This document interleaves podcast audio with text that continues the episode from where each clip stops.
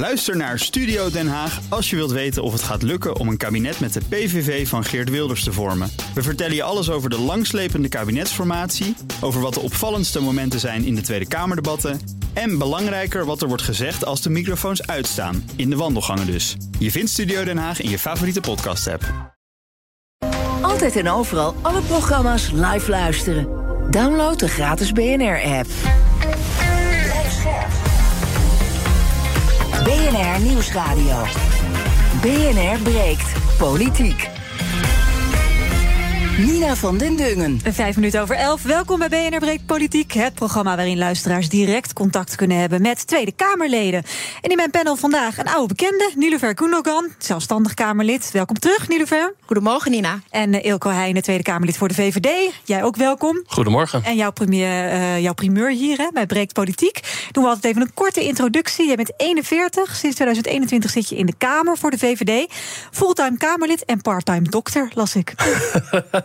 Jij hebt jouw kind ter wereld geholpen midden in de nacht in de auto langs de snelweg. Nou, in de stad zelf, in Den Haag. Het was niet langs de snelweg, maar wel okay, langs de weg. Langs inderdaad. de weg in elk geval. Ja, ja, en dat was in de periode dat we nog die avondklok hadden. Dus uh, de weg was wel leeg. Mhm. Mm -hmm. Maar het was midden in de nacht. Ik was heel zenuwachtig. Er staat natuurlijk heel veel druk op. Dus ik weet nog dat ik uh, de, de formuliertjes zat in te vullen. Waarom gaat u de weg op? En mijn vrouw stond schreeuwend oh, uh, buiten van doe normaal de we auto moeten in. nu rijden, ja. Ja, en toen ben ik eerst naar de kinderopvang gereden en ook nog fout gereden. Dus het zaten allemaal, het ging helemaal mis. Maar je hebt wel je kind goed ter wereld geholpen. Nou, mijn vrouw uiteindelijk. Want hij, terwijl ik reed, uh, kwam die eruit. Dus uh, ik heb hem op de stoep gegooid. En zij de benen op, de, op, het dashboard. Ja. En, ja. en, en je had een driejarige op de achterbank. Ja, die zat oh, vrolijk te zingen. Want die, die vond het wel een mooi avontuur. Dus het was, het was chaos. En tegelijkertijd, de weg was stil. Het was diep in de nacht. En we waren met het gezinnetje. Ja, dat is uiteindelijk... We kijken er goed op terug. Maar ik was koud zweet om mijn rug. Dus geen medische opleiding verder voor jou in het, in het verschiet? Nou, vaak als het zo snel gaat, dan gaat het ook goed. Dus dat is dan fijn. Ja, dat is, en dat het de tweede was, kan ik me ook goed ja, voorstellen dat ja. dat uh, hielp. We gaan naar serieuzere zaken, namelijk... BNR breekt.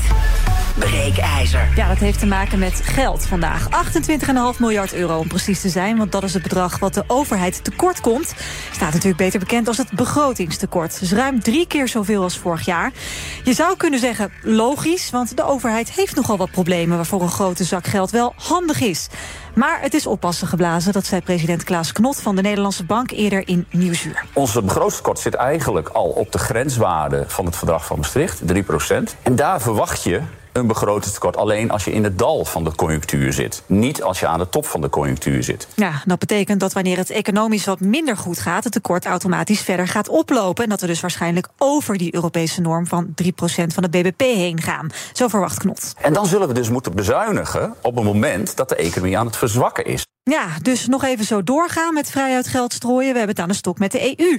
Maar goed, we hebben wel geld nodig. Hè? Ik noem maar even klimaatcrisis, wooncrisis, stikstofcrisis, energiecrisis. Niet te vergeten het compenseren van Groningen en de ouders van de toeslagaffaire.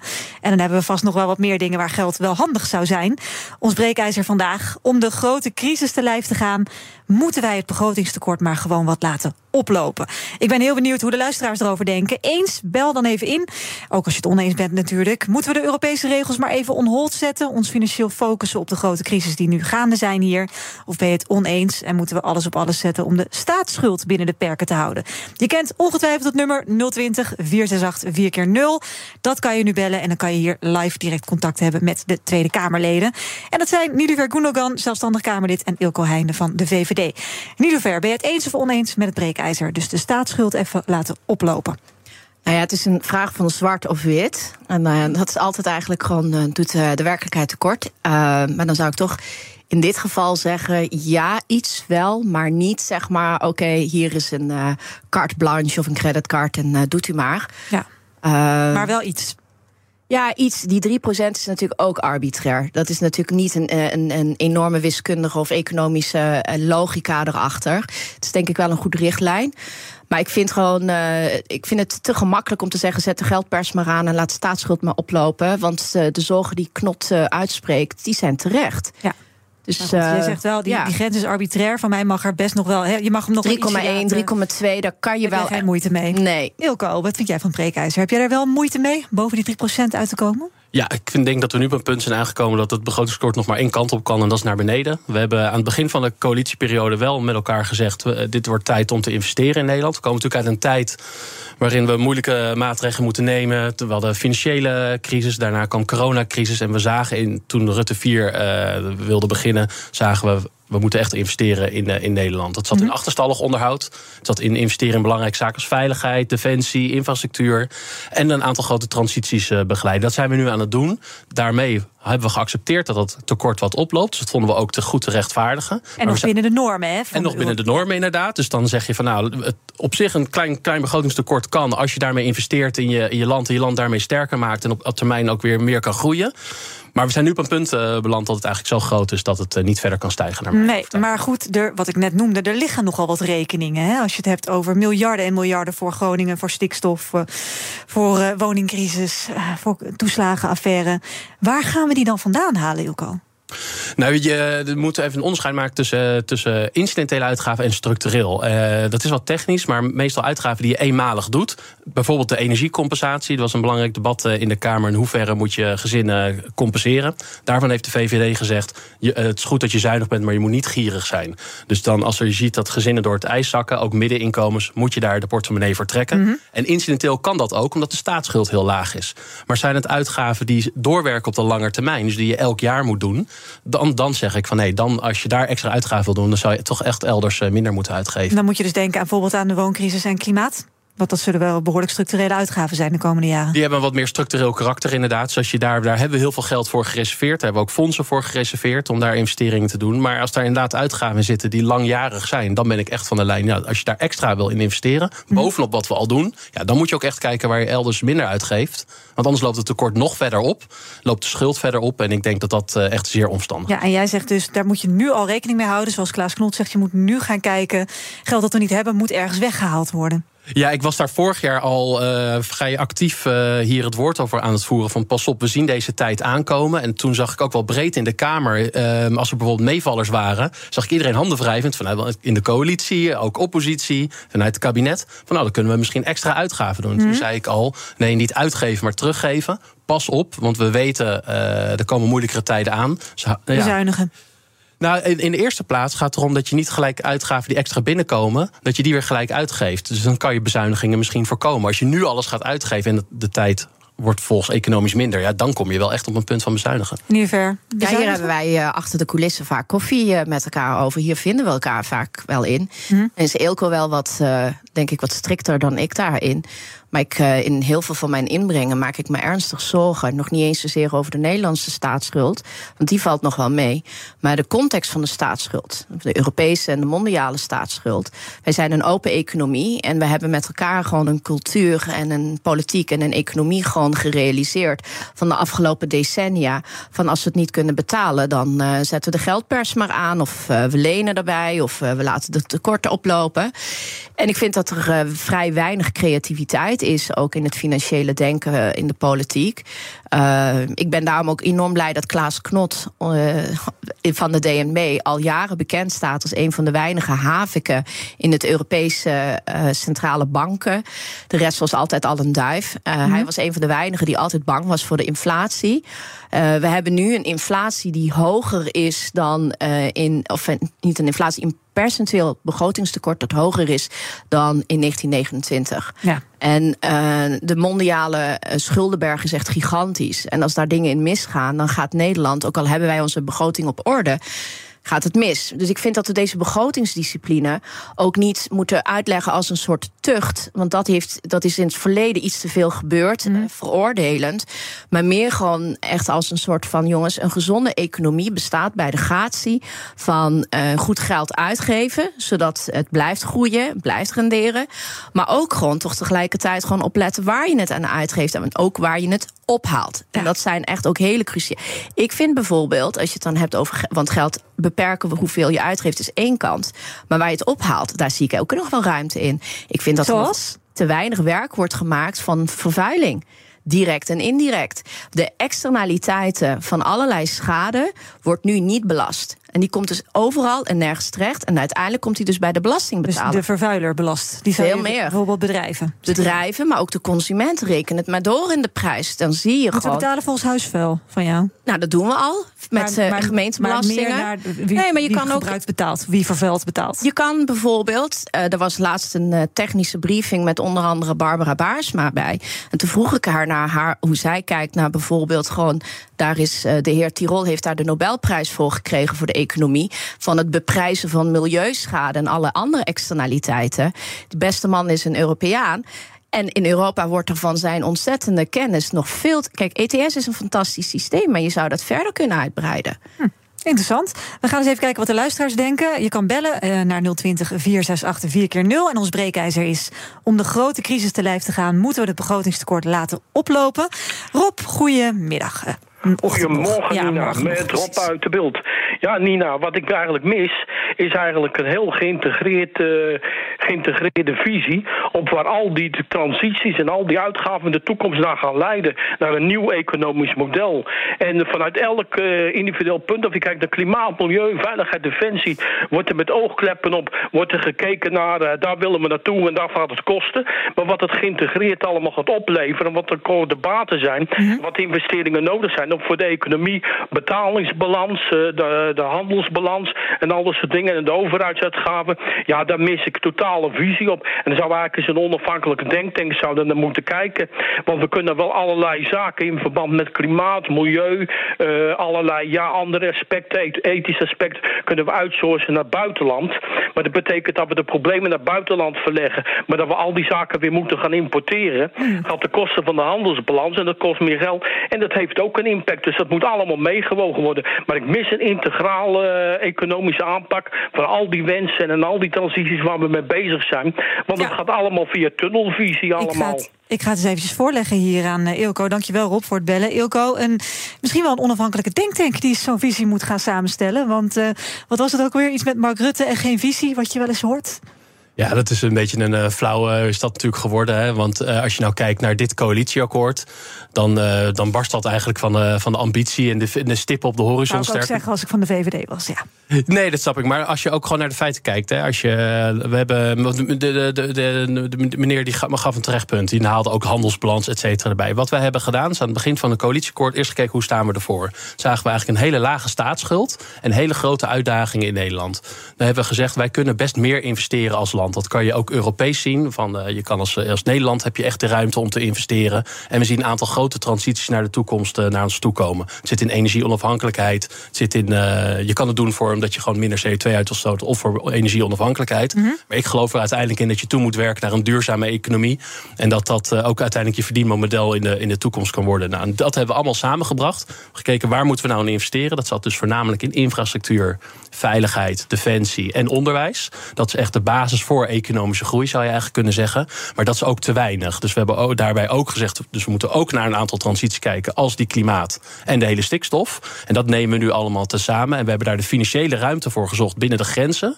Nou, en daar zijn we nu eh, mee aan het uitwerken. En ik snap heel goed dat als je dat van buitenaf ziet, dan zie je natuurlijk al die Losse elementen. die losse elementen. En je, en je ziet natuurlijk elk ministerie daar eh, zijn eigen plannen uitrollen. Maar Ja. er zit natuurlijk wel degelijk Er zit samenhang lijn in, zeg Nou ja, het, voornamelijk het investeringskabinet wat kijkt naar de toekomst eh, Ja. van Nederland. Helder. Avos, goedemorgen. Goedemorgen. Zeg het maar. Ah, ik vind, ik vind eh, laten oplopen, dat is eh, geen optie. Want we hebben onzekere tijd nu met oorlog en alles. Ik denk dat we moeten meer bronnen creëren waar we meer kunnen verdienen. Ja, Want als je, als je ziet zelf dat de Duitse president naar China gaat. En, en, en die Franse president naar China gaat, dat is ook een, een, een beweging dat ze meer willen verdienen. En Nederland kan dat, want kijk, als je ziet dat die Belgische en die Duitse wegen allemaal tol betalen. Mhm. En wij, wij, wij rijden met 8 euro per dag. eh, en, en, en dan zie je dat eh, hoe, hoe Frankrijk doet met Frans-Guyana, dat, eh, die land naast Suriname en Brazilië. Eh, Frans-Guyana is ook bezig naar de oude koloniën daar te, eh, meer eh, bronnen te creëren, zoals de Surinamers zoeken goud en olie. interessant. Dus als Nederland, eh, Nederland heeft die kans om meer te verdienen natuurlijk. Nou, interessant. Dankjewel, Avos. Meneer Huigens, goedemorgen. Eh, goedemorgen. Ehm, als we naar de Kamer hebben geluisterd deze week, dan denk ik dat het antwoord duidelijk is. Het roer moet om. En wat er precies moet, dat kan me niet schelen. Maar er moet een andere sfeer komen. En we moeten wat gaan doen. En we moeten wat gaan doen en niet denken, nou, eh, het geld kan wel een beetje oplopen. Als dat moet, dan moet het in deze context staan. Dus we moeten veranderen. En niet wat Rutte zegt, nou, het gaat toch vers goed, gaat toch wel goed. Het moet veranderen. Ik denk dat dat de boodschap is. BNR breekt. Politiek. Nina van den Dungen. Dank u wel, meneer Huygens. Het breekijzer vandaag dus om de grote crisis te lijf te gaan... moeten we het begrotingstekort laten oplopen. Je kan nog vijf minuutjes bellen, dus doe het nu als je er nog iets over wil zeggen. Uh, Niederver, als we even kijken naar die, dat wat je al zei... het is een beetje een arbitraire grens, die 3% van het BBP. En als we daar overheen gaan, dan wordt Europa boos. Waarom is het zo erg als we daar iets overheen gaan? Wat gebeurt er dan? Nou, ik vind iets er overheen gaan incidenteel, dat kan echt heus wel. We hebben nog steeds wel mot ja. in Europa. Ja, maar goed, uh, dat even daar. Waar ik me veel meer zorgen om maak, is het, uh, is het gemak waarmee het gebeurt. En het gemak waarmee het structureel is gebeurd. En in het verleden hebben we gezien dat die SGP, dus de Stabiliteits- en Groeipact, al die afspraken eromheen structureel geen consequenties hadden als je het uh, niet opvolgde. Mijn zorg zit hem niet in een, een keer je niet aan de regels houden, omdat het echt niet anders kan. Mijn zorg zit hem veel meer in het wordt een gewoonte. En dat hebben we in Europa veel te veel. Ook Nederland heeft dat uh, toch wel met een bepaalde mate ook wel gewoon gedaan. Het gedaan. En ik vind wel gewoon, begroting is heel belangrijk. Mm -hmm. Maar begroting is een onderdeel van alles wat heel belangrijk is. En wat wij te veel doen, vind ik, is gewoon kijken van wat komt erin en wat komt eruit. En te weinig nadenken over hoe maken we die taart groter. Ja. Ja. En daar zit volgens mij er zit bijvoorbeeld laaghangend fruit. Dat heet gewoon, en dan ben ik blij dat er nu werk van wordt gemaakt, dat meer vrouwen meer uren gaan werken. Werken überhaupt meer moet gaan lonen. Wij zitten in Nederland echt aan de hoge kant als het gaat om uh, belasting op arbeid en op ondernemen en laag op vermogen. Daar moet echt meer werk van worden gemaakt. Hmm. Dat is uh, in uh, de het is misschien niet leuk om te zeggen, maar de Gouden Eeuw is kapot gegaan aan het rentenierschap. En als wij niet opletten, gaan we die kant weer op. Dus vermogen moet actiever en zwaarder worden belast, zodat werken, je wekker zetten en ondernemen, je risico lopen, echt gewoon weer gaat lonen. En daar zitten de instrumenten in om de taart groter te maken. Ja, nou, een beetje wat Avos net zei, hè? Ja. meer bronnen aan, aanboren waar je geld mee kan verdienen. Als ja, en dat doen we veel te weinig. En ik denk dat je dan de prikkels ook juist moet leggen. Dat je die grijze economie gestaag afbouwt. Ik geloof niet, zoals sommige collega's links en nog linkser van me. Dat we, we schaffen de hele grijze economie in één keer af. Dat kan niet. Maar je moet het wel dusdanig doen dat die transitie mogelijk wordt gemaakt. Dat het een groene economie gaat worden. Mm, ja. Dus dan kan je met stok en wortel ook weer werken. En ik mis die creativiteit vaak ook bij collega's in de Kamer. En dat zal mensen dan misschien verbazen. Dat ik juist met Eelco eigenlijk de beste gesprekken daarover heb. Dus, uh, dus jullie, kunnen, jullie kunnen wel samenwerken in een eventueel volgend kabinet. nou ja, wij kunnen, wij kunnen, we zien dezelfde zorgen. Ik vind wel dat Eelco gewoon iets te veel vertrouwen heeft af en toe in uh, uh, de markt. Ik vind dat er gewoon meer politieke ja, uh, proactief gehandeld moet gaan worden. Want ik ben heel bang dat als de markt gaat reageren op het falen van de keuzes van de overheid, de markt reageert over het algemeen genadeloos en keihard. Straf dan meteen. En dan heb je dus geen tijd voor een zachtere transitie. En daarin verschillen we wel van mening. Maar voor de rest zitten wij behoorlijk uh, dicht tegen elkaar. Is mijn afdronk. Ik weet niet of Eelco daar anders tegenaan kijkt. Hoe hij de afgelopen twee jaar met mij. Ja, daar mag je nog even kort op ingaan. Dan heb ik nog even een vraag. Nou ja, ik, ik zit in de politiek de, niet op te polariseren. Dus ik probeer met iedereen een goede relatie te onderhouden. En ook al zijn we het fundamenteel oneens, probeer ik wel altijd iedereen te luisteren. En ook met mevrouw Gundogan drink ik graag koffie om te luisteren. En daar komen we er eigenlijk dan achter dat we het over heel veel thema's inderdaad eens zijn. En de rol van de overheid en first de markt. Tuurlijk verschillen we daar mening over. Daarvoor zit ik bij de VVD en uh, mevrouw niet. Ja. Maar ik ben het er op zich wel eens. Ik ben, ik, ik, ben wel van een, van een nieuwe generatie die ook wat pragmatischer kijkt. Dat ook een overheid nodig is om bepaalde transities in te zetten. Dus alleen, alleen maar zeggen, wijzen naar de markt en dan denken dat alles vanzelf gaat. Van die lijn ben ik niet. Dus ik geloof wel altijd dat je marktwerking in stand moet houden. Maar ik denk ook dat er een overheid nodig is om bepaalde verduurzaming bijvoorbeeld uh, mede mogelijk te maken. Ja, dan heb ik nog één beller die ik even kan laten reageren op het breekijzer. Om de grote crisis te lijf te gaan, moeten we het begrotingstekort laten oplopen. Marcus, eens of oneens? Uh, dat kan ik niet precies zeggen, maar ik wou er wel over zeggen dat uh, toen in 2014 Roemer de voor de Tweede Kamerverkiezingen voorstelde om het een kwart procent te verhogen. Dat toen alle, heel Nederland, alle politici, Rutte, Samson voorop, allemaal riepen: dat kan helemaal niet een kwart procent verhogen. Dat begrotingstekort, dan krijgen we ruzie met Brussel, dan gaan we subsidies verliezen. Hel en verdoemenis zou over Nederland komen. Waarmee toen inderdaad ook de SP haar grote voorspelde Helder. verkiezingswinst niet eh, kon verwezenlijken. Helder, dankjewel Marcus. Klopt dat, Ilko? Of We- weet je wat het is? eh, mevrouw Gundogan zei het al. eh, elke grens is, eh, is arbitrair. Maar hij is wel belangrijk dat je een grens trekt. En je kan ook op de snelweg rijden. En misschien met luisteraars nu. En die rijden 100. En die zeggen, ja, wat maakt 105 uit? Nou, Ja. dat maakt natuurlijk ook niks uit. Nee. Maar als je 105 rijdt, dan zou je zeggen, ja, wat maakt 110 uit? En dan ga je. Het, hetzelfde als ik mijn zoontje op bed leg. Dan zegt hij ook, ja, is 5 over 8 dan zo erg? En de volgende dag zegt hij, maar, maar dan maakt 10 over 8 niet uit. Dan wordt het kwart over 8. Ja, precies. en voor je het weet is er een slaaptekort. En is het eind van de week is die niet te genieten. Nee, dan hebben jullie ook een fijne week. Zo Ehm, even naar het slot hiervan. Dus om de grote crisis te lijf te gaan, moeten we het begrotingstekort laten oplopen. Jullie vinden elkaar best op een aantal eh, punten. Ehm, eh, ik kijk ook even naar Instagram, want daar hebben we natuurlijk ook de poll even gehad. En dan zien we dat 34% van de mensen het mee eens is. En 64% mee oneens. Dus veel mensen die hebben toch wel de neiging om dat, nou, toch wel de regels van Europa te volgen. Ja, dan moeten ze toch. Weet je, kijk, nogmaals, mijn nadruk wil ik hier zeggen. Een keer kan. Maar het is wel het voorbeeld wat Ilko stelt. Pas op, want als het een gewoonte begint te worden, dan, dan zijn de rapen echt goed gaar. Ja, en dan wil ik jullie allebei nog één moeilijke keuze voorleggen. Ehm, stel, we moeten dus inderdaad bezuinigen om bijvoorbeeld een, een, een nieuwe structurele uitgave mogelijk te maken in de richting van die crisis die ik al eerder noemde. Waar gaan we als eerste bezuinigen, Ilko? Ik denk dat er echt nog stappen zitten voor bezuinigen. Dus je hebt in de eerste plaats eh, heb je heel veel meevallers, die moet je niet gelijk uitgeven. Dan moet je kijken, ligt er nog geld op de plank die je misschien niet hoeft uit te geven. Ik denk dat als we daar al kritisch op kijken, dat er al niet eens bezuinigingen Ja, nodig is zijn. dat genoeg om die grote crisis nu te kunnen Ik- te te kunnen gaan? we hebben natuurlijk als kabinet zo'n ontzettend veel eh, ambities en geld gereserveerd. Dat er, dat, dan is het onlosmakelijk dat daar natuurlijk eh, ook meevallers zich voordoen. Dus daar moet je in de eerste plaats naartoe kijken. En pas daarna kom je even bezuinigen. bezuinigen. Ja. Niederver? Denk dat er eh, heel veel potten zijn die we nu gewoon als vrijstelling hebben, et cetera, die zwaar versoberd zouden kunnen worden. Dus dan hoef je niet te bezuinigen, dan deel je gewoon wat minder uit. En ik denk dat als je ook naar de kanten gewoon gaat kijken van waar kan je wel meer belasting heffen. Ik ben niet voor een lastenverzwaring, laat ik dat gewoon heel duidelijk zeggen. Ik eh, denk dat er een lastenverschuiving in dat instrumentarium, hoe gaat het dan weer uit naar de economie die gewoon rendeert, dus eh, niet renteniert. Daar valt ik ook nog wel echt gewoon creatief veel in, te, in te halen. Dank eh, voor jullie bijdrage aan het breekijzer. En natuurlijk ook aan de bellers. Zometeen gaan wij gewoon vrolijk verder na half twaalf. Ook met Nilofer met Ilko. En dan praten we over eh, onder meer Drenthe. Want na Groningen wil ook Drenthe geld zien. Drie gemeenten en de provincie die eisen samen bijna 5 miljard. Moet ook nog ergens vandaan halen, jongens. Voor de geleden aardbevingsschade is dat terecht of niet reëel. Dat hoor je allemaal zometeen bij BNR Breekt Politiek. Ook Bas van Werven vind je in de BNR-app. Ja, je kunt live naar mij en Iwan luisteren tijdens de ochtendspits. Je krijgt een melding van Breaking News. En niet alleen onze podcast Ochtendnieuws, maar alle BNR-podcasts vind je in de app. Download nu de gratis BNR-app en blijf scherp.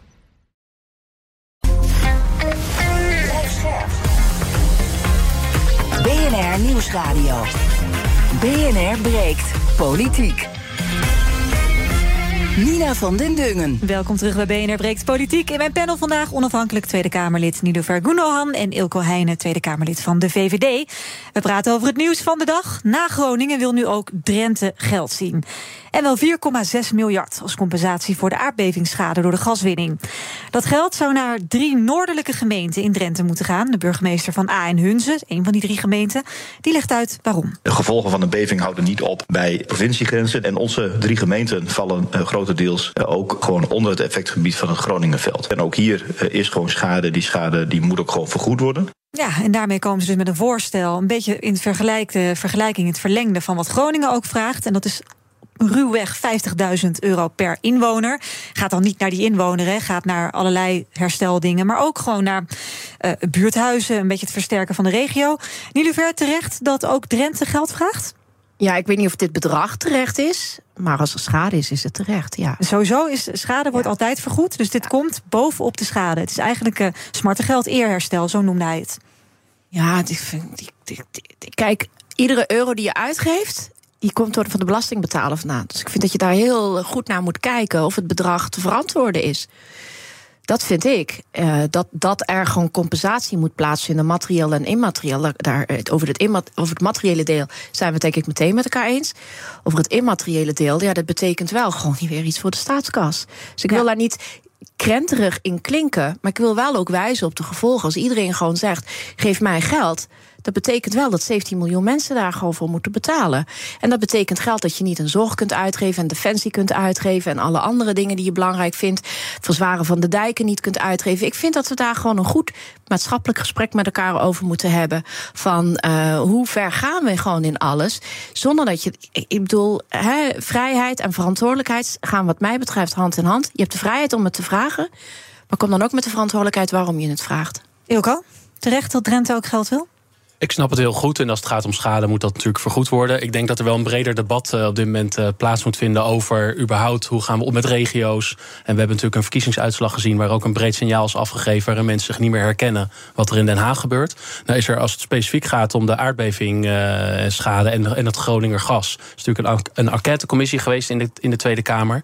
De komende week gaat er uitgebreid over gedebatteerd worden. Mm -hmm. Ik denk dat dat ook de goede volgorde is en dat we daar naar vooruit moeten kijken. En kijken hoe we als land samen verder gaan eh, in, in, dit soort zaken. Ja, maar ja, het is natuurlijk een terecht punt wat jullie allebei noemen. Hè. Waar stel je de grens? Want uh, er is ook ruimhartig gezegd eerherstel voor Groningen.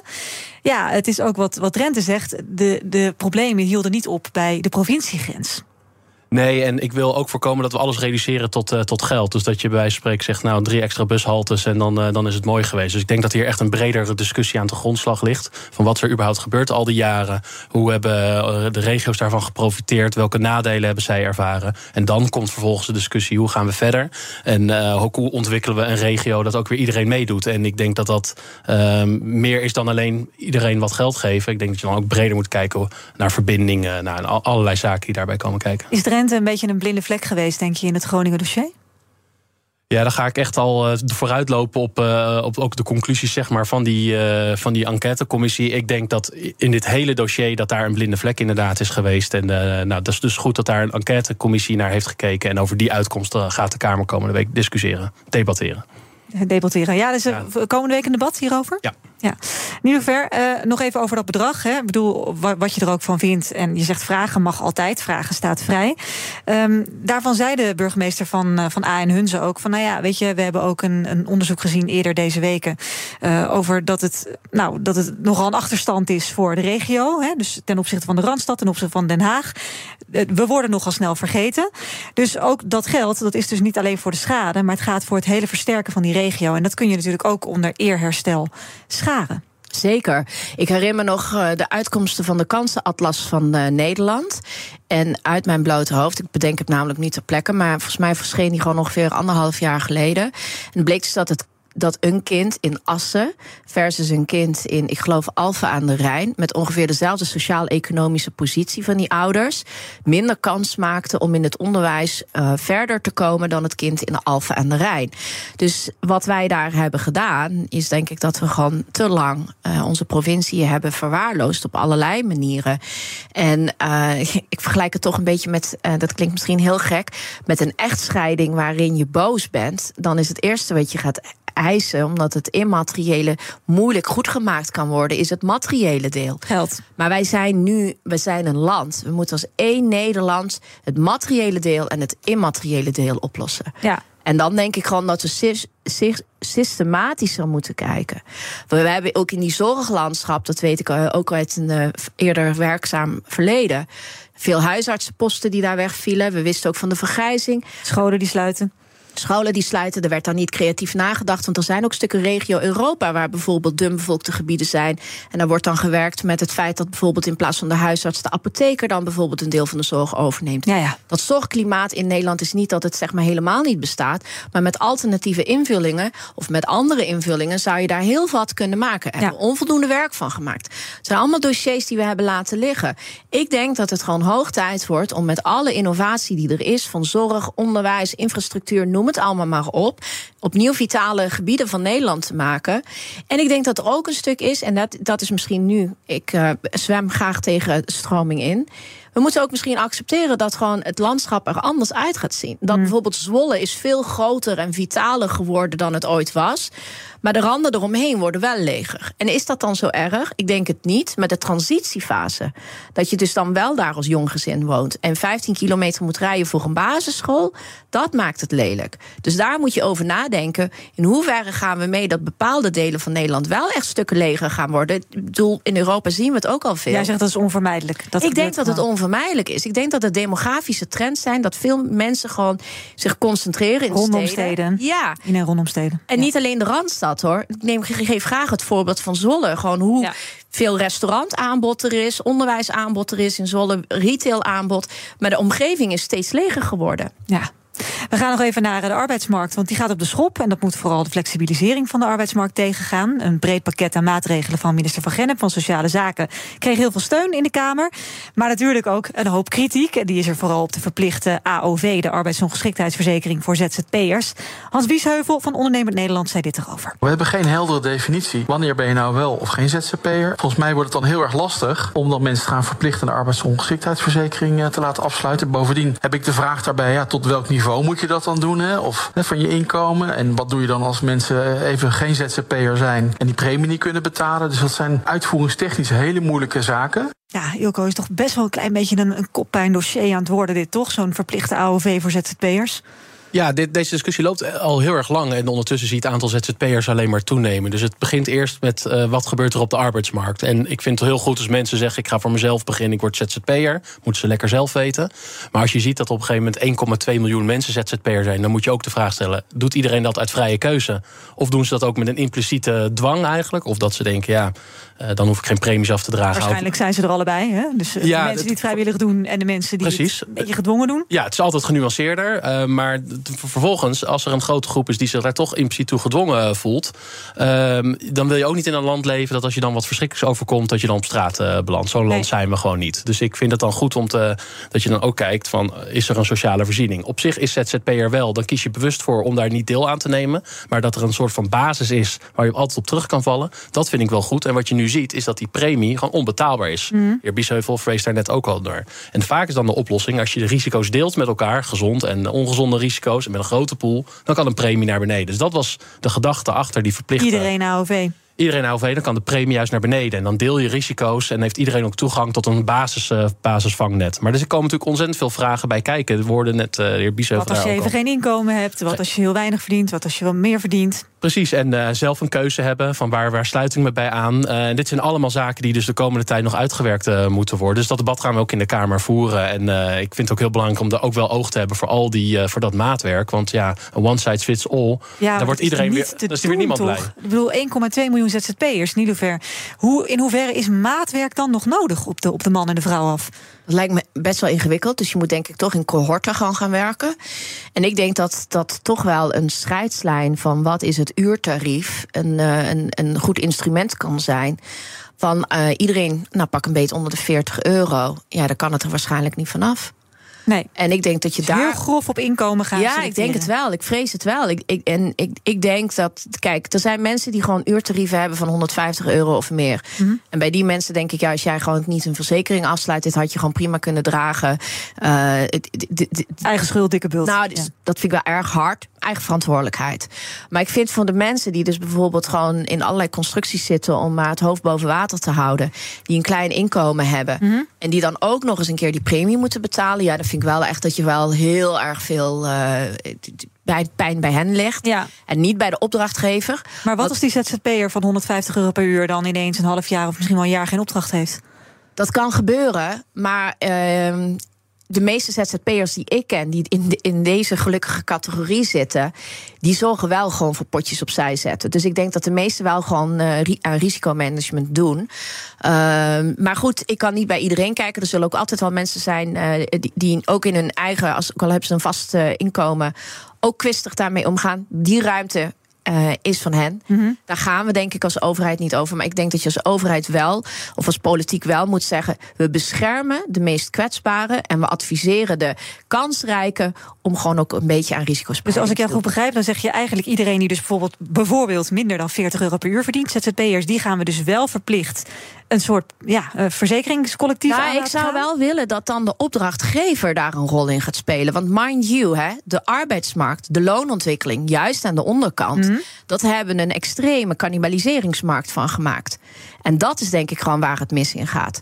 Dat ondernemers die gewoon gebruik kunnen maken van goedkope arbeidskrachten, wel de lusten hebben van die goedkope arbeidskrachten, maar niet de lasten. Niet de zorgpremies betalen, niet de pensioen. Dus die mogen wel eens even mee gaan betalen, Ja, wat jou betreft. Zeker. Van de lage lonen. Ja, want dit is eigenlijk een vorm van, eh, van privatizing the gains en socializing the losses. Ja, daar, daar ben ik niet voor.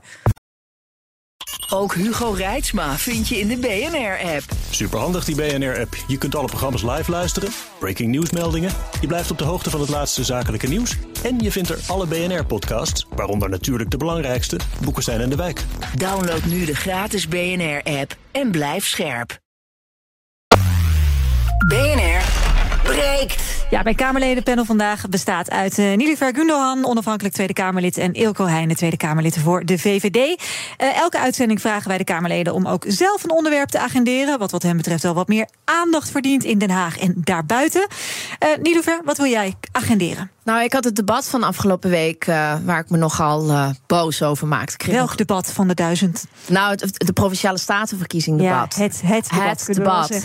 Ja, en ik word er ontzettend verdrietig van uh, dat je eigenlijk van tevoren al de uitkomst kunt uitspellen.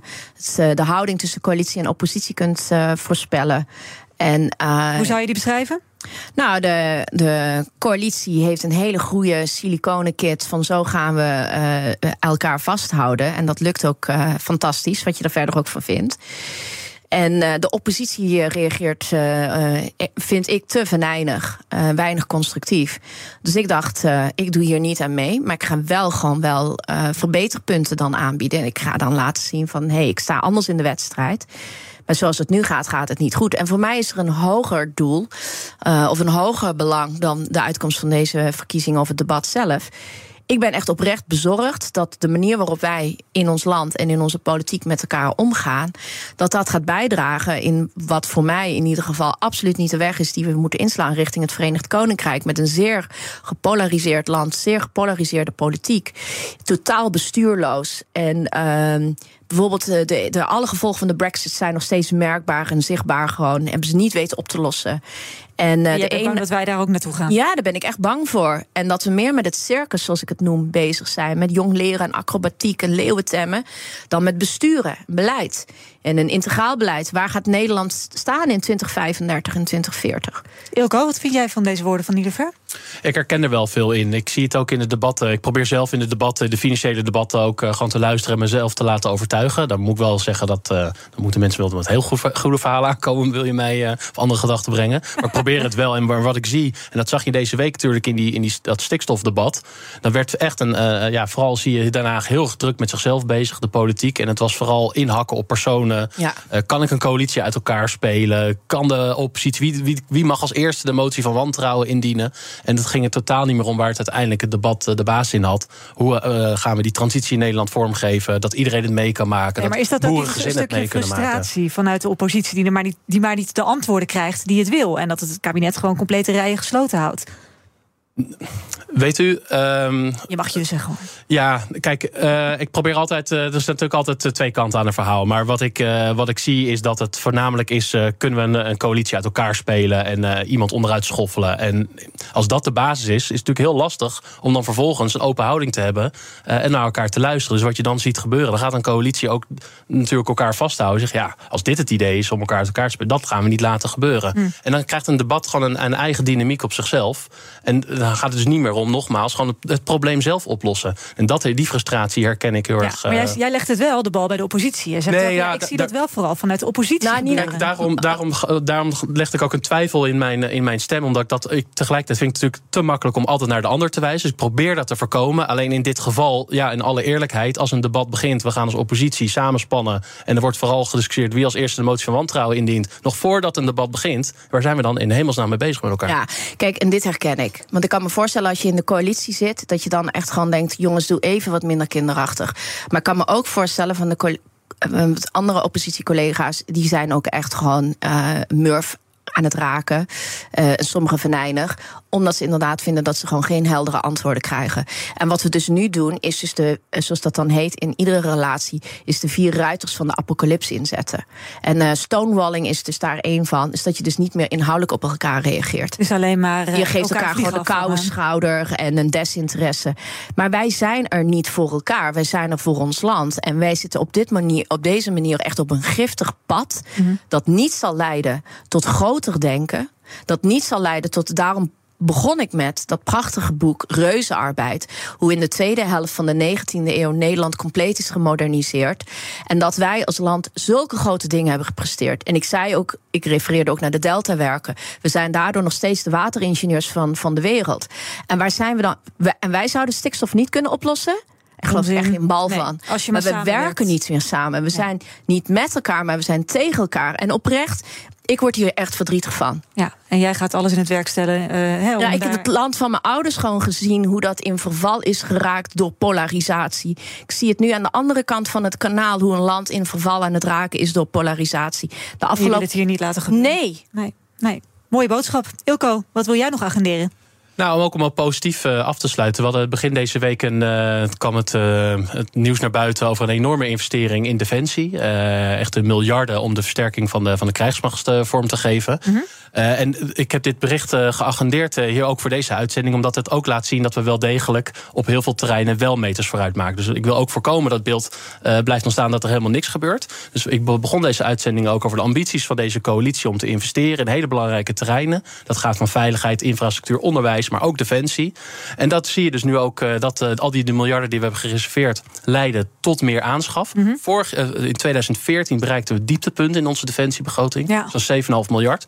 Volgend jaar bereiken we dan ons hoogtepunt naar zo'n 19 miljard. Dan halen we die, eindelijk die 2%-norm waar we in de is politiek... Dat het, denk je? Is dan, wordt dat het hoogtepunt? Of denk je van nee, wij laten nu defensie niet meer los de komende jaren, ook zeker niet als VVD? Omdat je dus ziet wat er kan gebeuren in Oekraïne. Ik bedoel het hoogtepunt voornamelijk als je kijkt naar het verleden kijkt, dus mm. waar we vandaan komen. Maar als je naar de toekomst kijkt, denk ik dat dit wel de basis moet zijn, die 2 procent. Eh, Structureel, structurele uitgaven. Ja, ik denk daaronder moet je echt niet zakken. En je moet ook echt de discussie met elkaar gaan. Misschien is meer nodig, gezien de veiligheidssituatie in de wereld, hoe snel dat verslechtert. Maar wat ik er voornamelijk mee uit aan wilde geven, dat we met elkaar een aantal ambities hebben gezet. We praten over defensie al jaren in de politiek. En nu eindelijk gaat het ook gebeuren. Dus ik wil ook laten zien dat als we met elkaar een ambitie hebben, dat we wel degelijk ook kan leiden tot de versterking van in dit geval de krijgsmacht. dit gaan we ook zien op de infrastructuur, dat onze wegen er straks beter neerleggen. En ik weet zeker straks ook, als we naar de toekomst terugkijken, kijken we misschien terug op een turbulente tijd. Maar wel als een startpunt dat we onze economie hebben verduurzaamd. Een enorme transitie in onze landbouw hebben doorgemaakt. En gewoon weer het meest innoverende land ter wereld zijn. Ik ben ervan heilig van overtuigd. Jullie ver net zo blij mee als Ilko? Nou, ja en nee. Ja, Zeg maar, gewoon een nee. De nee heeft te maken met als je uh, ter voorbereiding op dit gesprek ben ik nog even gewoon uh, teruggegaan. En dan zie je dat in december vorig jaar kwam Tom Jan Mees met een heel lang verhaal waarin juist de VVD keihard heeft bezuinigd. Van NRC, ja. ja. En ik ben blij, laat ik het zo zeggen, voortschrijdend inzicht, beter laat dan nooit. Maar laten we deze kennis dan ook niet meer verliezen. Ik vind wel uh, dat er in Nederland en, en ook in vele andere Europese landen defensie als een soort luxe, wat uh, niet nodig was met een soort van, uh, ja, we kunnen wel zonder. Weet je, we hebben zeker sinds het wegvallen van Groot-Brittannië in uh, de EU, -hmm. hebben we eigenlijk nog maar één echte militaire kracht. En dat is Frankrijk. Ja, dus jij zegt grote fout die afgelopen ja, decennia je, is gemaakt. Wij hebben veel te makkelijk en veel te passief, veel te naïef, veel te luxe ook wel.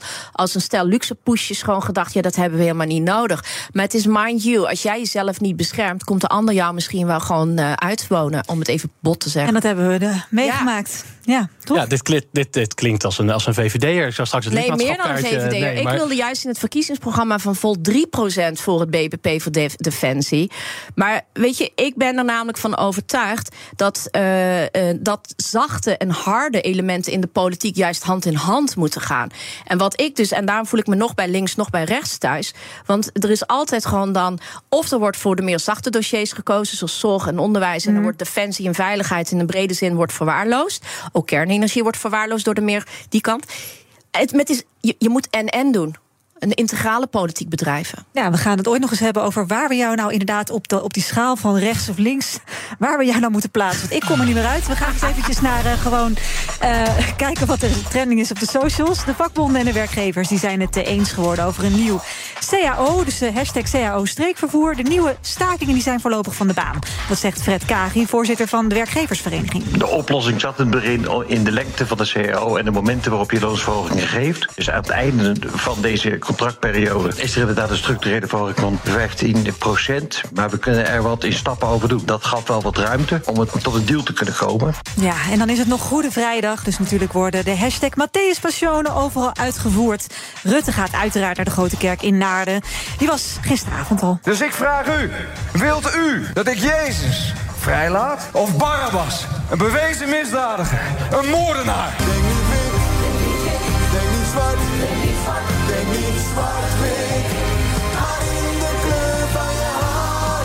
Ja, dit was uh, gisteravond natuurlijk op tv. 2,4 miljoen kijkers. Hebben jullie gekeken? Ik, uh, ik uh, nee, ik was... Jij hebt overgeslagen. Ja, ik, Jullie ik, ook? Ik had helaas een crematie. Ik had ook helaas iets, helaas. Uh, we gaan lekker kijken naar, naar Zaken doen. Dat was niet kijken, maar luisteren om 12 uur. BNR Zaken doen is er dan. jullie, Nilofer Gundogan, onafhankelijk Tweede Kamerlid... en Ilko Heijnen, Tweede Kamerlid voor de VVD. Veel dank dat jullie hier wilden zijn. Maandag, dan zijn we er weer. BNR Breek. Tot die tijd kun je ons natuurlijk volgen via de socials. En blijf bij ons voor Zaken doen met Thomas. Ook Liesbeth Staats vind je in de BNR-app. Ja, heel handig. Luister live naar Kees en mij tijdens de Daily Move. Dan blijf je ook gelijk op de hoogte van breaking news en het laatste zakelijke nieuws. En daar vind je ook alle BNR-podcasts, waaronder de Perestrooikast. Download nu de gratis BNR-app en blijf scherp.